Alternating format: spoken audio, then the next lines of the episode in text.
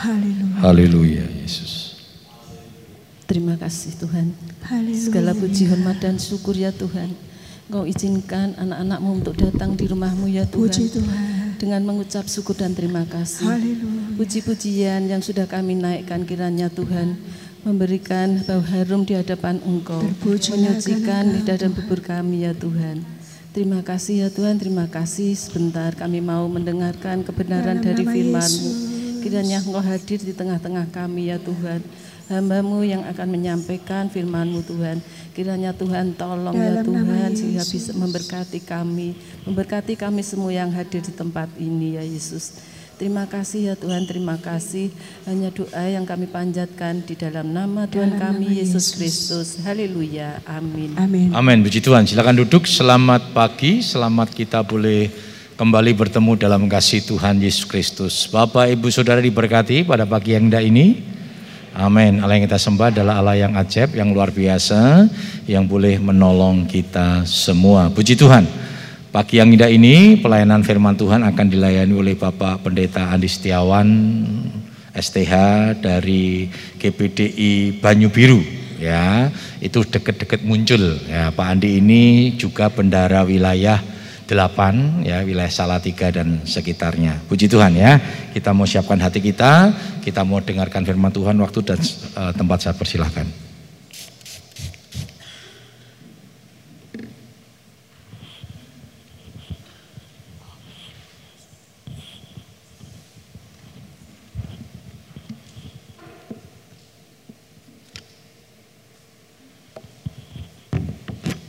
Puji Tuhan.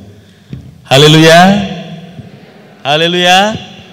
Mana suaranya? Haleluya. Puji Tuhan ya. Kita bersyukur pagi hari ini karena kasih dan kemurahan Tuhan kita boleh ada kembali berkumpul beribadah dan memuliakan Tuhan. Saya pertama berterima kasih kepada Tuhan karena boleh menyampaikan saya dan bersama-sama saudara pada pagi hari dapat beribadah di GPD Siloam. Yang kedua terima kasih untuk Bapak Gembala dan juga keluarga yang sudah memberi kesempatan kepada saya untuk sama-sama kita belajar akan kebenaran firman Tuhan. Puji Tuhan.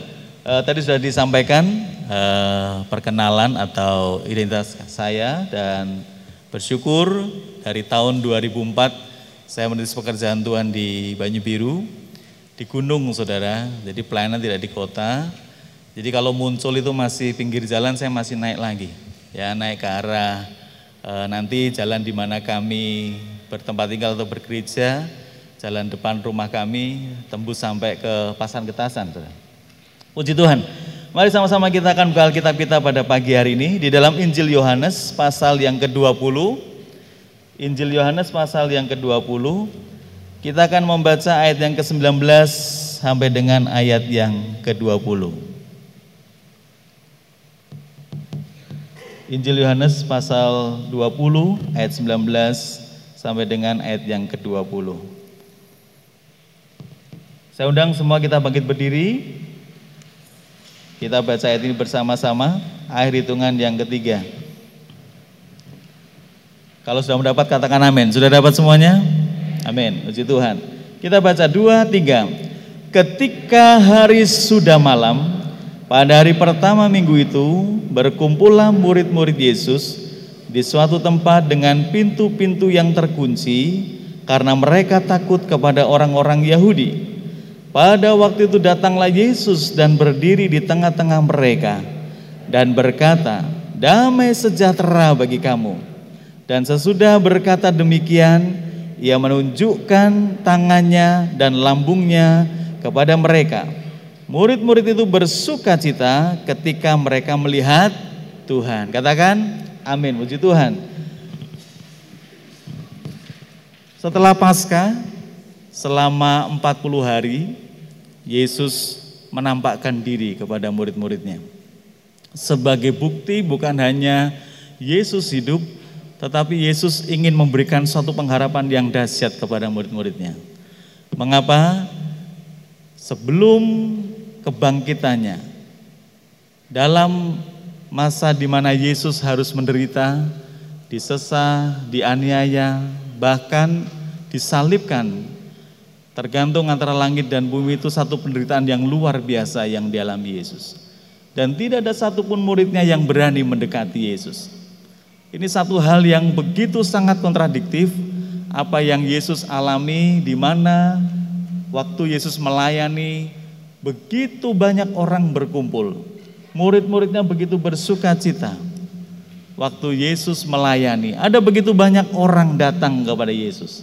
Walaupun dengan berbagai macam motivasi yang berbeda.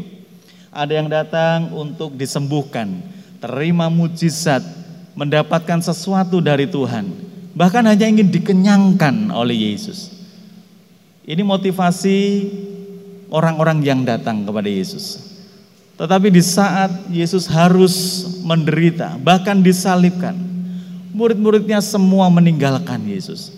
Ini satu peristiwa yang sebetulnya menyakitkan bagi Yesus secara pribadi kalau dia sebagai manusia.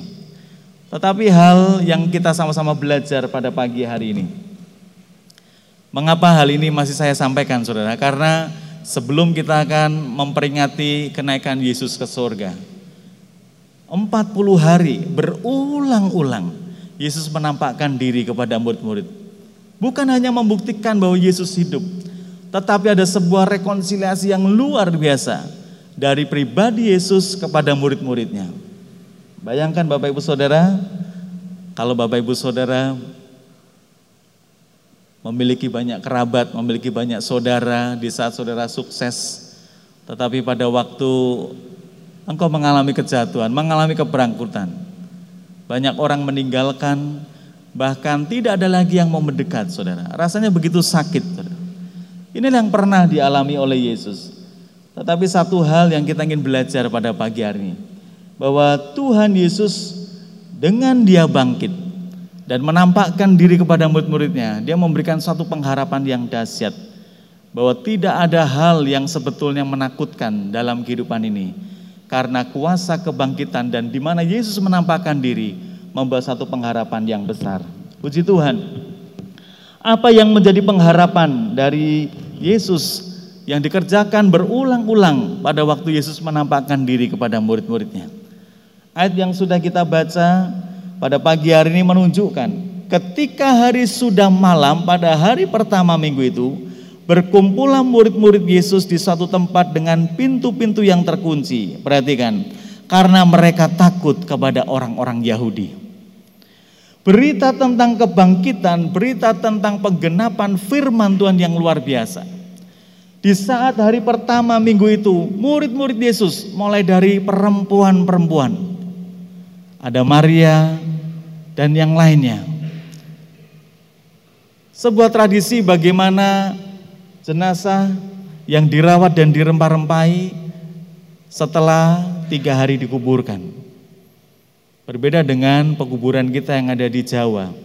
Semua harus dalam kondisi tanah digali, tetapi di Israel, kemudian orang Yahudi menguburkan jenazah atau mayat ada dalam gua-gua yang kemudian ditutup dengan batu. Berita tentang kebangkitan sudah sampai kepada murid-murid melalui Maria di mana betul-betul dia menjadi saksi hidup. Yesus tidak ada lagi terbaring dalam kuburnya. Yesus sudah bangkit. Malaikat juga sudah meneguhkan berita ini. Tetapi apa yang terjadi? Murid-murid tetap tidak percaya. Inilah hal yang membuat Yesus dan di dalam kebangkitannya bahkan karya untuk Yesus menampakkan diri kepada murid-murid harus dikerjakan supaya kejadian-kejadian yang sedemikian dapat diubahkan oleh Tuhan. Murid-murid pada malam di mana hari pertama minggu itu Yesus sudah bangkit. Mereka berkumpul saudara. Mereka menikmati sebuah persekutuan, mereka menikmati sebuah keindahan, keintiman dalam fellowship. Tetapi justru apa yang terjadi? Mereka datang, mereka berkumpul dipenuhi dengan penuh rasa ketakutan yang luar biasa. Dengan pintu-pintu yang terkunci, karena ketakutan terhadap orang-orang Yahudi. Tetapi di saat peristiwa ketakutan yang besar ini terjadi di kehidupan mereka, firman Tuhan berkata, pada waktu datanglah Yesus dan berdiri di tengah-tengah mereka dan berkata, damai sejahtera bagi kamu. Luar biasa, Saudara. Dalam ketakutan, kecemasan, keraguan yang dialami murid-murid, di tempat yang tertutup begitu introvert, tidak ada satu kesempatan untuk dapat berhubungan dengan dunia luar. Tetapi di sinilah Yesus datang di tengah-tengah mereka, menembus ruang dan waktu. Dan membawa kabar yang dahsyat buat murid-murid, damai sejahtera bagi kamu. Dan perhatikan, sesudah itu ia menunjukkan tangan dan lambungnya kepada murid-murid. Dan murid-murid berkata dengan sebuah kekompakan. Ini Tuhan, ini Tuhan, luar biasa. Mereka bisa mengakui keberadaan Tuhan di tengah-tengah mereka di saat ketakutan, di saat kecemasan yang dahsyat yang mereka alami. Apakah ini sudah menjawab sebuah persoalan, saudara? Pengharapan apakah yang Yesus kerjakan setelah ia bangkit dan menampakkan diri kepada murid-muridnya? Yang pertama, dia datang, dia menampakkan diri kepada murid-murid untuk memberikan damai sejahtera, saudara. Ada begitu banyak yang terjadi dalam dunia hari-hari ini, yang semuanya di tengah-tengah pandemi berteriak, semua sukar, semua sulit. Jemaat yang Tuhan percayakan kepada kami juga demikian, saudara. Ada yang jadi sales, dia bilang, wah om sekarang semuanya sukar om, apalagi sudah musim puasa dan sebagainya. Semua mengeluh, sukar, mengeluh semuanya dalam kesulitan, sudah. Tidak pernah terpikir oleh kita. Sampai di usia besar seperti ini, saya dewasa seperti ini pun baru mengalami ini ada pandemi ya, COVID-19. Tetapi ini memang harus terjadi, Saudara. Ada begitu banyak orang yang merasa takut. Segala sesuatu harus dijalankan betul, Saudara, dengan protokol kesehatan. Tetapi ini tidak pernah terjadi. Mungkin kita bisa berkata, saya pun waktu muda belum pernah mengalami pengalaman yang demikian. Memang tahun 1819 terjadi flu Spanyol saudara ya. Dan itu begitu luar biasa. Pada waktu Indonesia dijajah oleh Belanda. Sampai orang-orang Indonesia tidak berani keluar rumah. Karena waktu mereka hanya bertemu ngobrol sebentar pulang sudah mati saudara. Yang disebut sebagai influenza dan itu luar biasa. Dan dari waktu ke waktu sudah ditemukan obatnya dan sebagainya sehingga kita boleh bebas kembali beraktivitas. Sampai di tahun 2000 di tahun lalu ya 2020 kita harus betul-betul mengalami dampak yang besar dari pandemi Covid-19 ini. Pertanyaannya, apakah kuasa kebangkitan Yesus masih ada dalam kehidupan kita. Bahwa Yesus menampakkan diri dia tidak mati dan betul-betul murid berkata itu Tuhan. Dan damai sejahtera yang diberikannya kepada kita itu ada dalam kehidupan kita saudara. Di masa kesulitan, masa kesukaran seperti ini. Orang bukan hanya cari sebuah solusi di mana dia bisa dicukupkan, memperoleh apa yang dia inginkan yang dia inginkan adalah bagaimana memperoleh damai sejahtera di dalam kehidupan ini. Memperoleh bagaimana kehidupannya dapat diperdamaikan. Sebagai seorang pribadi, Yesus begitu sangat-sangat disakiti oleh kehidupan murid-muridnya. Tetapi Yesus bisa berkata damai sejahtera bagi kamu. Ini peristiwa yang luar biasa saudara. Ditinggalkan oleh murid-muridnya, tergantung antara langit dan bumi, bahkan ditinggalkan bapaknya sendiri. Tetapi berita yang Yesus sampaikan bukan berita ketakutan, bukan berita kesukaran, bukan berita tentang tidak adanya pengharapan. Tetapi yang berita disampaikan Yesus pertama memberikan damai sejahtera. Dan ini harus kita miliki saudara. Tetapi apakah ini sudah merubah kehidupan murid-murid? Di tengah-tengah ketakutan yang mereka alami. Pengharapan yang Yesus nyatakan kepada murid-murid memberikan damai sejahtera tidak hanya berlangsung untuk satu kali, saudara. Di dalam ayat yang ke-21, mari dibaca. Yohanes 20 ayat yang ke-21. Ayat, 21. Yesus sekali lagi, damai sejahtera bagi kamu, sama seperti Bapa mengutus aku, demikian juga sekarang aku mengutus kamu. Luar biasa, saudara. Bagaimana Yesus menyampaikan berita yang sama untuk kedua kalinya. damai sejahtera bagi kamu. Sama seperti Bapa mengutus aku, demikian juga aku mengutus kamu. Demikian juga sekarang aku mengutus kamu. Tadi kita sudah memuji Tuhan bagaimana ladang menguning, bagaimana ini zaman di mana kita bisa menuai banyak jiwa, saudara. Siapa yang Tuhan utus, saudara? Kalau bukan murid-muridnya. Tetapi bagaimana bisa diutus kalau semua dalam kondisi ketakutan, semua dalam kondisi yang terkurung dalam situasi kondisi yang tidak bebas, saudara. Mungkin kita berkata, ini pandemi, ini semua sukar, bagaimana kami bisa jadi berkat, bagaimana kami bisa memberkati. Untuk diri saya saja sendiri kadangkala tidak cukup, sudah. Dan inilah sudah yang sering kali terjadi dalam kehidupan kita. Tetapi Yesus menampakkan diri kepada murid-murid. Berkata damai sejahtera bagi kamu. Dan dikatakan dengan jelas, sama seperti Bapa mengutus aku, demikian juga sekarang aku mengutus kamu.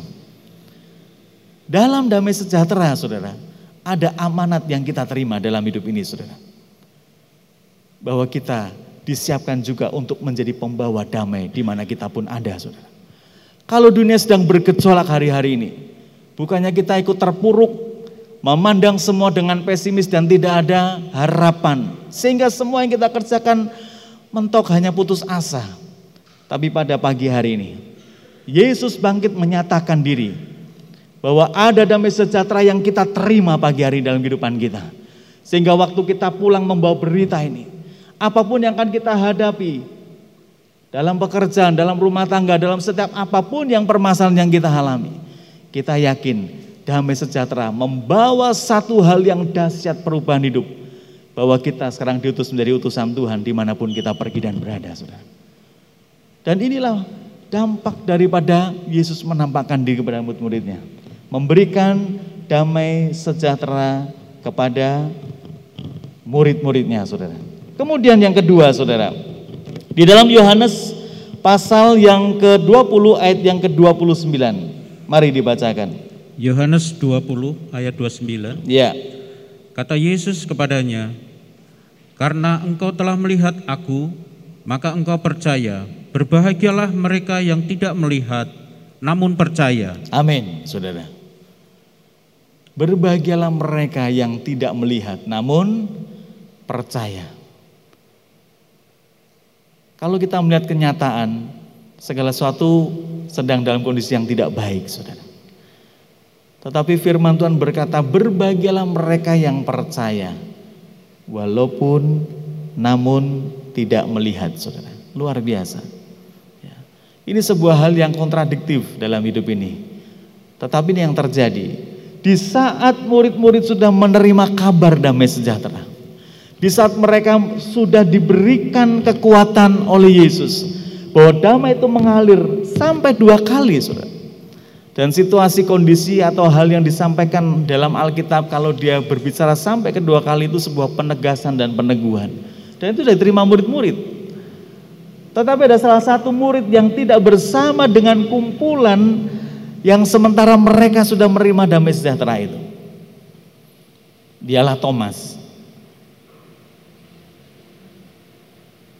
Dan Thomas berkata, sebelum aku mencucukkan jariku pada tangannya yang berlubang paku, lambungnya yang ditusuk tombak, sekali-kali aku tidak percaya. Luar biasa, saudara. Tiga setengah tahun penggiringan murid-murid ini bukan penggiringan yang pendek. Di depan mata mereka melihat mujizat terjadi. Yang timpang bisa berjalan, yang lumpuh dapat melompat-lompat. Bahkan yang mati sekalipun dibangkitkan oleh Yesus. Tetapi tidak ada kepercayaan yang terbangun dalam hidup murid-murid. Yesus harus betul-betul berperkara. Setelah kebangkitannya Yesus menampakkan diri kepada murid-murid. Menjadi peneguhan bahwa sebetulnya Yesus ingin memberikan kepercayaan dan keyakinan tentang keberadaannya sebagai Tuhan dan Juru Selamat, saudara. Thomas ragu, Thomas bahkan tidak percaya. Sampai murid-muridnya berkata, kami sudah melihat bagaimana dia di tengah-tengah kami di saat pintu semua terkunci karena kami takut. Tetapi Thomas berkata, sekali-kali aku tidak percaya kalau belum aku buktikan.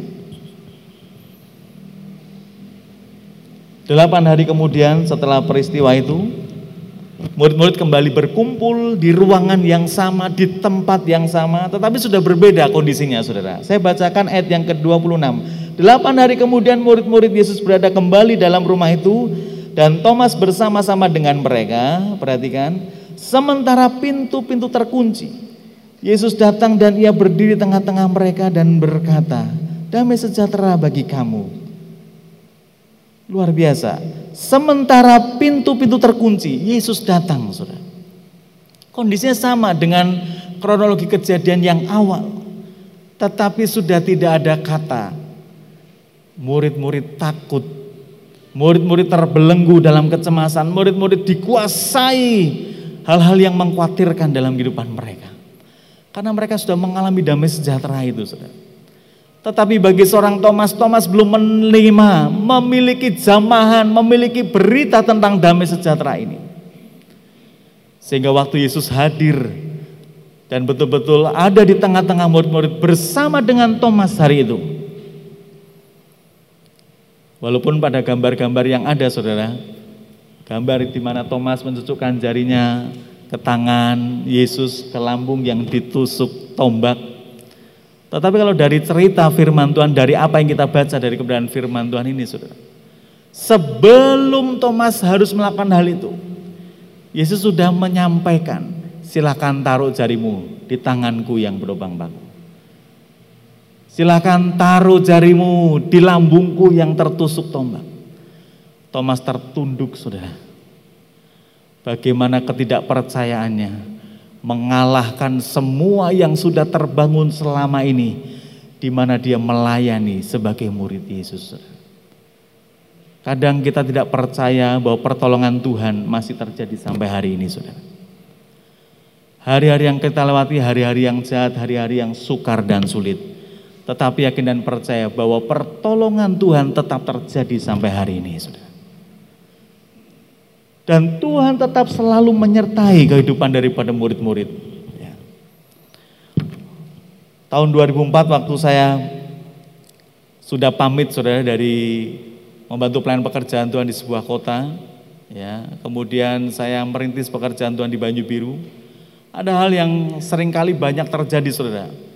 Saya sebagai seorang pribadi, seorang manusia juga memiliki self pity, sayang diri saudara. Karena berapa kali kami diresolusi di tempat di mana kami ibadah. Mengapa? Karena memang tidak ada orang Kristen. Semuanya non, saudara. Ya. Tetapi bersyukur ada jemaat-jemaat yang mau datang dan menyatakan diri untuk mereka menjadi murid Yesus, saudara. Sehingga kami harus ibadah sekitar hampir 2,4 kilo ya dari tempat di atas ke tempat kami tinggal, saudara ya. Antar dusun, saudara. Tetapi yang menjadi imbas dari itu adalah pada waktu jemaat nanti turun datang ibadah setiap minggu sore, minggu malam waktu itu ya, jam 7 itu sudah. Ibadah selesai jam 9. Saya tidak tegel saudara. Wah ini jemaat sudah datang, rombongan saudara. Ya. Akhirnya saya antar mereka pulang saudara. Tidak mengendarai kendaraan apa pun saudara. Jalan kaki karena memang tempatnya tanjakan yang luar biasa tinggi. Waktu itu belum sekarang ini saudara, sudah diaspal, sudah dicor. Waktu itu masih batu-batu. Ya, sehingga sampai kemudian saya ibaratnya bukan nyangoni duit, nyangoni jemaat itu beli senter saudara, beli sentolop saudara. Jadi setelah selesai ibadah, ya minum, kemudian senter mereka pulang, rombongan saudara. Ya sambil saya bincang-bincang kepada mereka. Tapi satu pertanyaan saudara, naiknya rame-rame saudara. Pulangnya saudara, Jemaat sudah sampai rumah saya dewean, saudara. Dan waktu itu masih belum banyak terbuka tempat itu, masih semi hutan, saudara. Wah, banyak cerita yang macam-macam, saudara. Jadi tiap minggu saya punya pergumulan, saya bilang Tuhan, Tuhan dulu waktu saya ada menjadi pengerja, wah enak ya. Tinggal pelayanan, dapat amplop sudah, ya, saya begitu saudara. Ini saya, wah Tuhan, Tuhan, ini saya ngantar jemaat pulang jalan kaki sendirian saudara. Ya, dan waktu itu setiap minggu saya lakukan saudara. Hampir satu setengah tahun. Dari mulai jalan batu itu saya doain Tuhan buat diaspal jalan ini supaya jemaat lebih enak jalannya dan diperlebar. Karena jalan itu jalan setapak saudara. Masih batu-batu bahasa sana makadam. Dan ini yang harus saya alami. Kadang kala malam-malam saya bilang Tuhan Tuhan wah dulu saya enak sekali ya. Tapi saya harus mengalami seperti ini. Tapi itu saya lakukan saudara kadang kala hati ini berkata wah Bawa balik saja gitu tapi saya bilang Tuhan tidak Tuhan saya ingin menikmati apa yang Tuhan percayakan saudara nah satu kali saudara Memang betul program pengaspalan sampai ke desa itu, saudara. Tetapi melalui jalan yang memutar, ya. Dan memang ada satu perbedaan antara jalan batu yang rumput itu warnanya hijau begitu, kalau aspal kan warnanya hitam, saudara. Itu kalau malam hari, saudara. Jadi kelihatan perbedaannya. Ya namanya daerah pertanian walaupun di aspal semua apa yang untuk pertanian ya masih dipakai aksesnya melalui jalan itu saudara. Baik untuk bajak dan sebagainya. Dan waktu itu belum ada traktor, bajanya masih pakai kebu, saudara. Nah, singkat cerita, saudara, satu malam waktu kami sudah mengantar pulang, ya, kemudian malam itu saya pikir ah sudah tidak usah pakai senter, saudara. Yes, pokoknya jalan saja mantep ikuti alurnya karena kan sudah kelihatan kalau hitam ini aspal gitu. Dan satu tikungan yang saya tidak duga saudara. Dan sebenarnya kita lewat itu tapi sebelah kiri lah. Kalau kita pulang, saya pulang kan lewat yang jalur sebelah kiri sini, jadi sebelah kanan daripada kami waktu naik. Ya. Tiba-tiba saudara di sebuah tikungan dan itu merupakan turunan yang tajam saudara. Ya. Terjadi hal yang tak terduga, di mana saya terpleset pada sesuatu dan kemudian saya gelundung sampai bawah saudara. Dan waktu saya apa namanya bangkit, wah ada bau yang gak enak saudara. Ternyata waktu saya naik lewat jalur kiri. Saya tidak perhatikan waktu itu ya, bahwa namanya orang dusun, orang desa, mereka membaca sama masih pakai kebun, sudah kotoran itu ada di tempat di mana-mana, sudah. Jadi singkat cerita, saya terpleset, saudara, oleh karena nuwun sewu, letong segede, saudara ya. Kemudian gelundung sampai bawah, saudara. Wah, saya cium, wah baunya luar biasa enaknya, saudara ya. Dan itu saya alami, saudara. Saya nangis, saudara. Tuhan kok seperti ini, Tuhan. Saya pulang sampai rumah sudah jam 11 saudara. Ya, ibu di mana di uh, rumah di mana saya numpang di situ saudara. Dia kaget saudara. Kok orang bengi-bengi wong adus saudara ya. Pure, pure, pure gitu saudara ya. Wah saya sampai tiga kali sabunan belum hilang saudara. Wah saking baunya luar biasa. Ya. Saya sampai bilang Tuhan ini pengalaman yang luar biasa. Karena mikir apa saudara? Eman-eman baterai di center. Ya saya matikan yang penting lewat jalan aspal itu. Ternyata tidak tahu saudara ya, kepleset kemudian gelundung pas kena di kotoran daripada kerbau itu saudara. Nah ini saudara, waktu itu sempat saya bimbang Tuhan, Tuhan, apa benar nih panggilan Tuhan? Ya. Akhirnya apa saudara?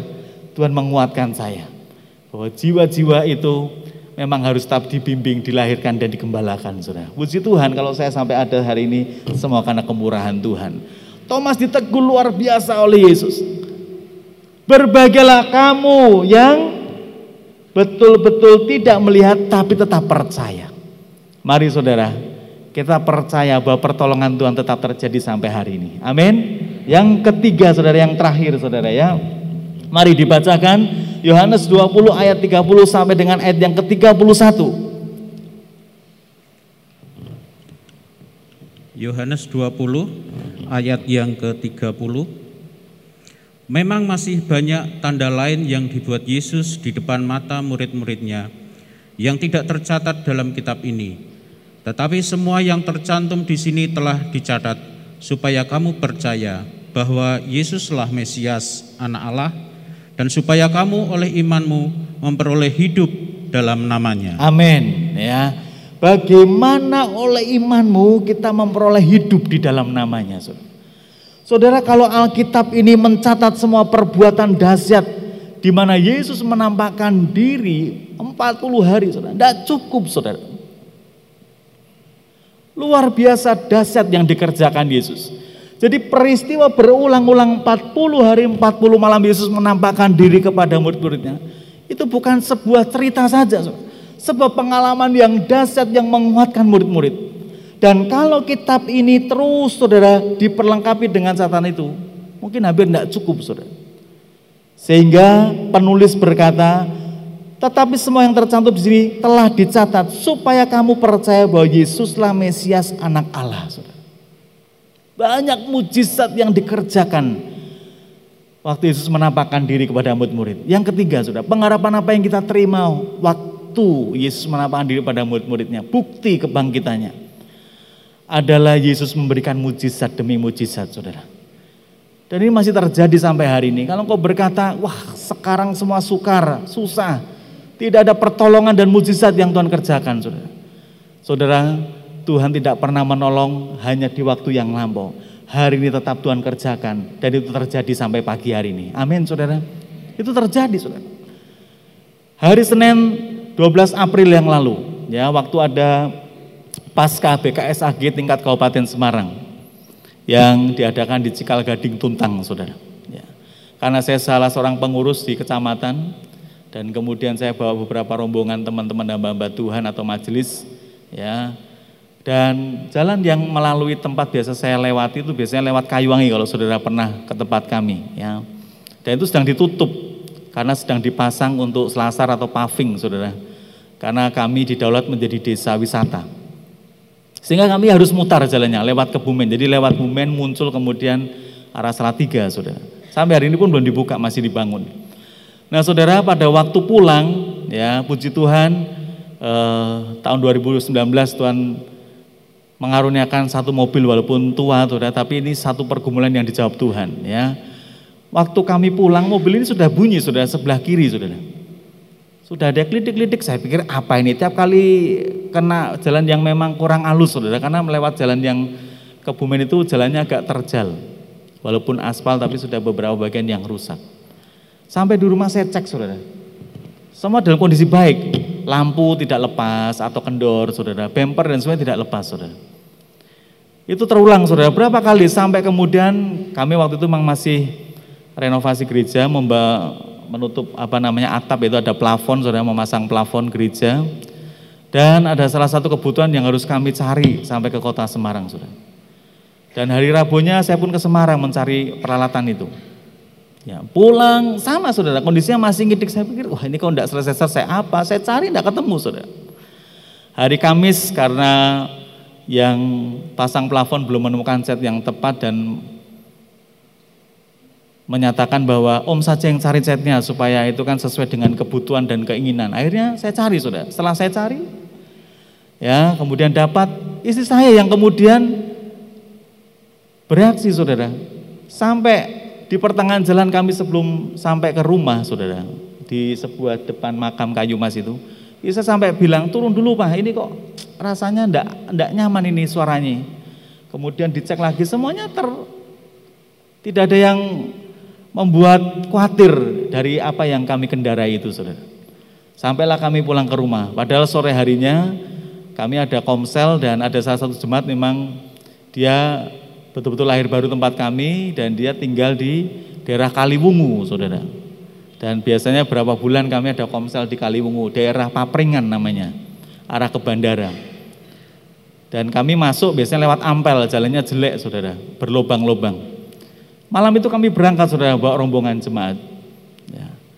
Pulang juga demikian, kondisi yang bagi saya biasa-biasa. Cuma memang tiap kali perjalanan ada bunyi ini dan belum ketemu saudara, di mana permasalahan ini terjadi.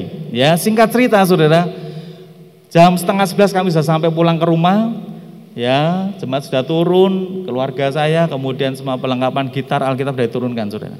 Waktu saya mau parkir, mundurkan saudara, ya tiba-tiba ada satu benda yang jatuh dari mobil itu saudara.